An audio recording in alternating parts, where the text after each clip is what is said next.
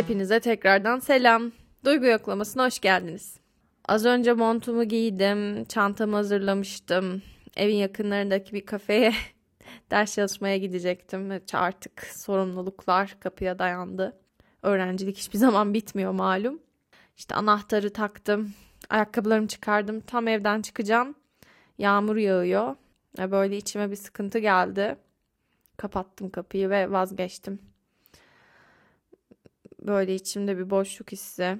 Nereye gideceğimi, ne yapacağımı bilmiyorum. Dışarı çıkmak içimden gelmiyor. Evde kalmak içimden gelmiyor. Öyle ortada boş boş bekliyorum. İçimden bir ses bana otur ve kayıt yap dedi. Ve şimdi o yüzden bu kaydın başına oturdum. Bazen içine bir boşluk hissi oluyor. Sanki kimse seni anlamayacakmış gibi. Anlatmaya çalışsan sanki kendin bile anlamayacakmışsın gibi hissediyorsun. Öyle anlarda oturup bunu bir dışa vurma çabasına girmek bana her zaman iyi gelmiştir.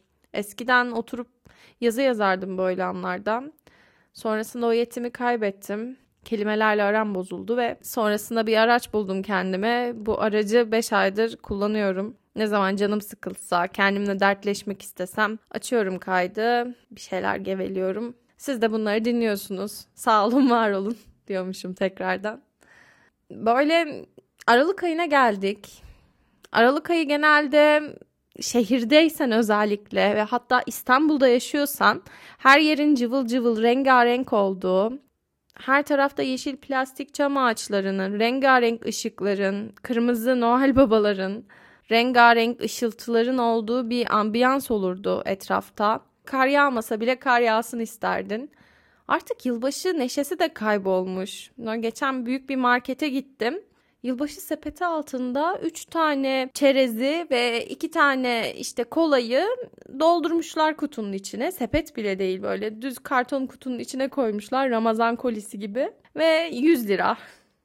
Şimdi 2013, 2014, 2015 hatta 2016 yılındaki yılbaşı sepetleriyle karşılaştırıyorum.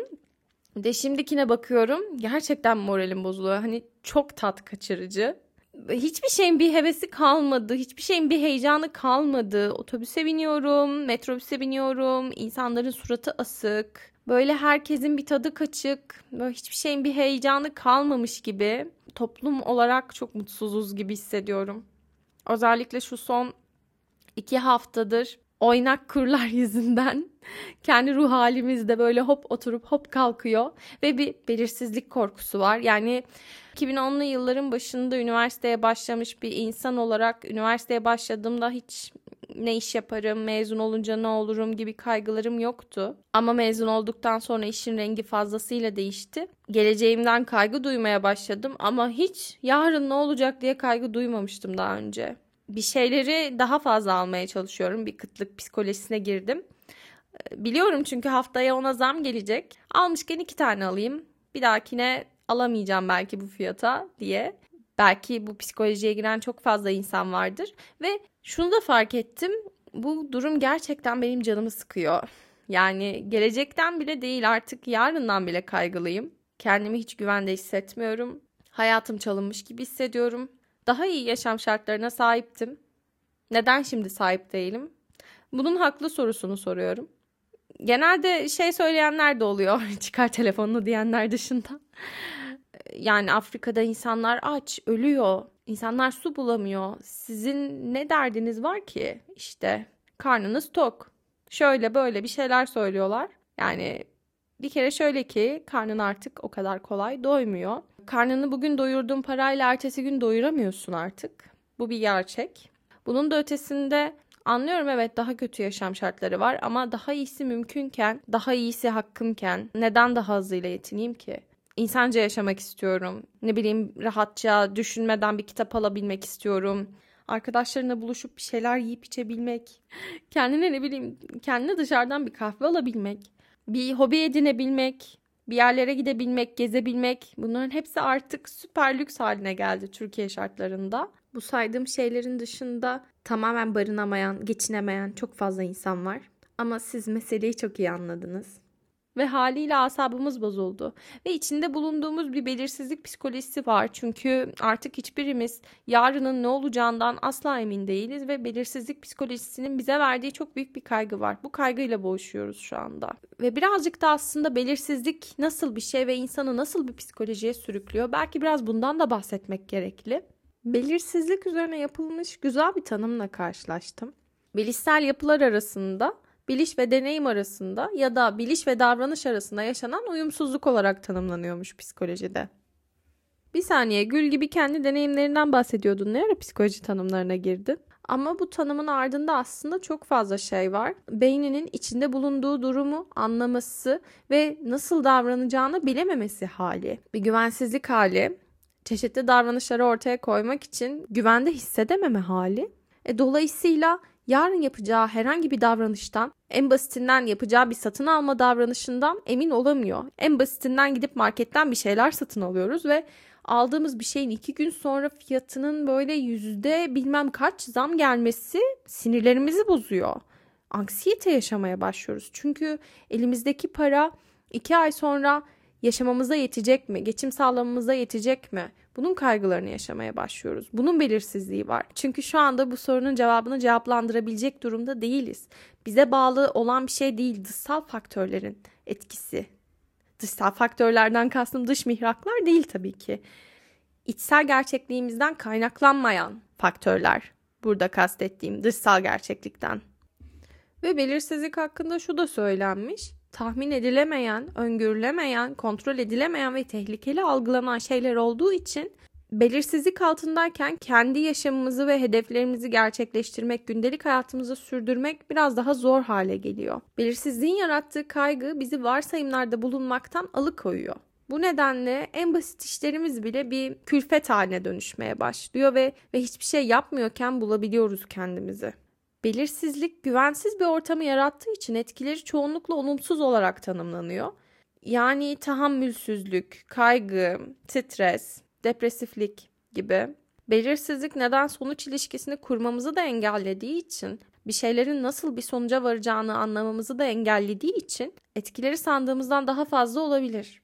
Geçen gün bir tweet gördüm. Tweette tanıdığım herkes depresif bir dönem geçiriyor ve suçu kendinde arıyor. Ekonomik sıkıntılarla yaşayan bir ailenin çocuğu olarak şunu söyleyeyim ki nerede para yoksa orada huzur yoktur. Günü geçirme, yarını düşünme kaygısından bir şeyleri iyi göremez, iyileştiremezsiniz diyordu. Ki son zamanlarda gördüğüm en haklı tweetlerden birisi. Zaten Twitter'a girdiğimde Instagram öyle değil. Influencerlarımız sağ olsun bize hala link kaydırıyorlar ve en azından böyle hala Aa, bir şeyler satın alabilir miyiz hala sorusunu kendine soruyorsun Instagram'da. Ama Twitter'a giriyorum.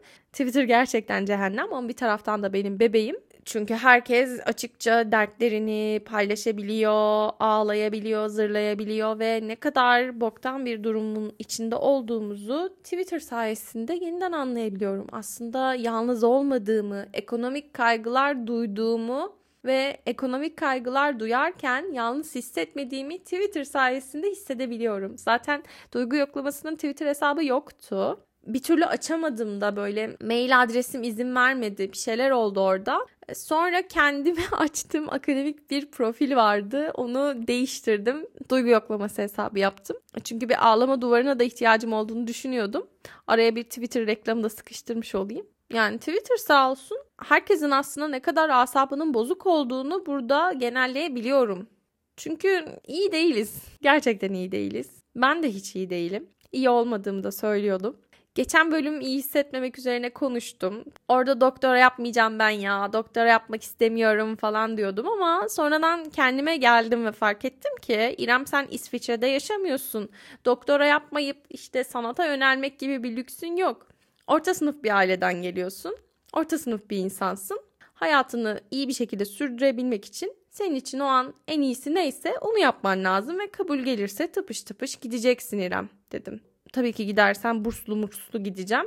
Burssuz gitmek gibi bir opsiyon söz konusu olamaz. Ama artık hayatımı nasıl kurtarabiliyorsam öyle kurtaracağım derdine düştüm. Bu çok üzücü bir şey.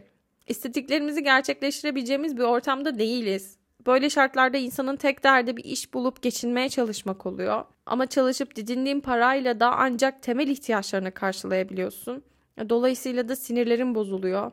Emeğin her geçen gün değer kaybediyor. E, dolayısıyla da üzülmemek elde değil. Ben genellikle eskiden o mesele beni ilgilendirse de ki genel olarak çok fazla beni ilgilendiren mesele yaşanıyor Türkiye'de. Türkiye'nin beyaz ve ayrıcalıklı kesiminden bir insan olmadığım için ama meselelerle bazen başa çıkmak o kadar fazla geliyordu ki kötü bir olay yaşandığında kapatırdım ve sanki burada yaşamıyormuşum gibi davranırdım ama burada yaşıyorken burada yaşamıyormuş gibi davranmak imkansız gibi bir şey. Evden dışarıya adımını atmaman lazım ve sanal dünyada işte Twitter feedini Amerika'ya göre ayarlaman lazım ya da işte ne bileyim kendini tamamen dış seslerden izole etmen lazım. Ama bu imkansız bir şey tabii ki. Yapabildiğim noktaya kadar bunu yapıyordum. Bazen de dona kalıyordum. Gerçek anlamda ne yapacağımı bilemiyordum. Bir tehditle karşılaştığımızda verdiğimiz üç temel içgüdüsel tepki vardır bilirsiniz. Savaşmak, kaçmak ya da donmak. Şimdi insan türü hem av hem de avcı oluşundan dolayı hayatı tehdit eden bir durumla karşılaştığında aklı karışıyor ve bu karışıklık içgüdüsel dürtülerini geçersiz kılabiliyor. Yani bir belirsizlik bizi travmanın güçlü etkilerine karşı savunmasız kılıyor aslında. Av mı olacağız, avcı mı olacağız, kaçacağız mı, savaşacağız mı asla karar veremiyoruz. Ve bu yüzden dona kalıyoruz. Donmak da bizi travmaya sürükleyen yegane tepki olabiliyor. Çünkü içine sıkıştığımız duyguların dışa vurumu engellenmiş oluyor.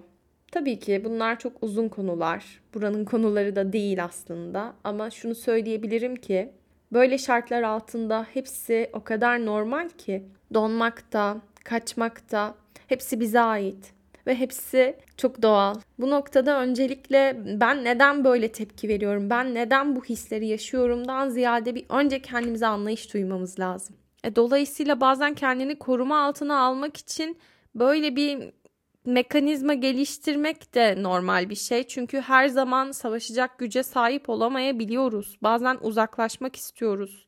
Görmek istemiyoruz. Gerçekten yokmuş gibi davranmak istiyoruz. İsveç'teymişiz gibi davranmak istiyoruz vesaire. Bazı anlarda da bir güç geliyor ve savaşmak istiyorum. Podcast'te savaşabildiğim alanlardan birisi haline geldi.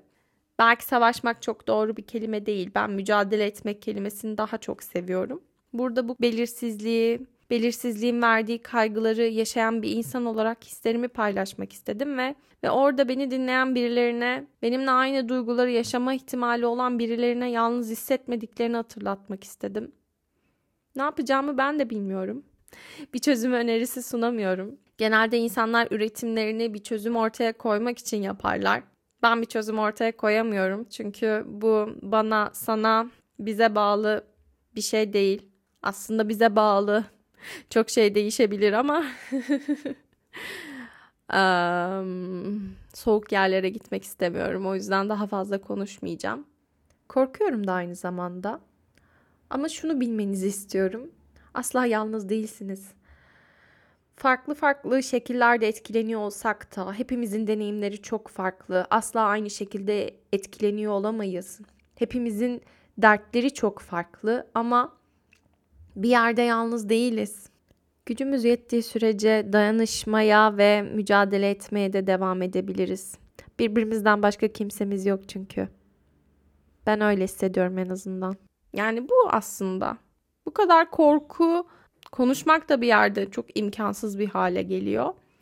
Ama konuşamadığın alanlarda, konuşmaktan korktuğun alanlarda yaratıcılığını kullanmaya başlarsın ve başka yöntemler geliştirirsin. Bunu ne kadar yapabilmişimdir bilmiyorum ama elimden geleni yapmaya çalışıyorum ben de. Ama bir şeyler hakkında düşünmeye, nedenlerini sorgulamaya devam ettiğimiz sürece bir şeylerin dönüşeceğine inanıyorum. Gerçekten bu bölümde bu meselelerle ilgili söyleyebileceğim çok daha fazla şey vardı ama özür dilerim bu kadar cesaretli bir insan olamadığım için. Elimden bugün bu kadarı geliyor.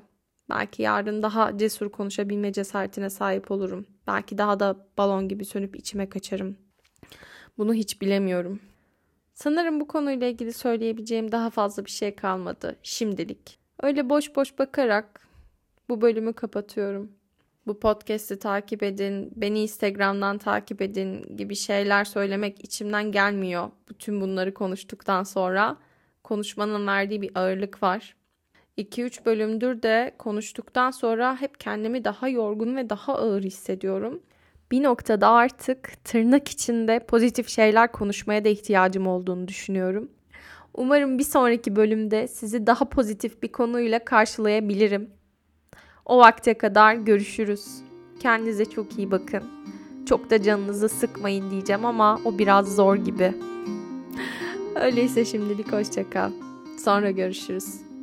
Ben güzel günlerde yaşadığımı hayal etmekten asla vazgeçmeyeceğim. Siz de vazgeçmeyin.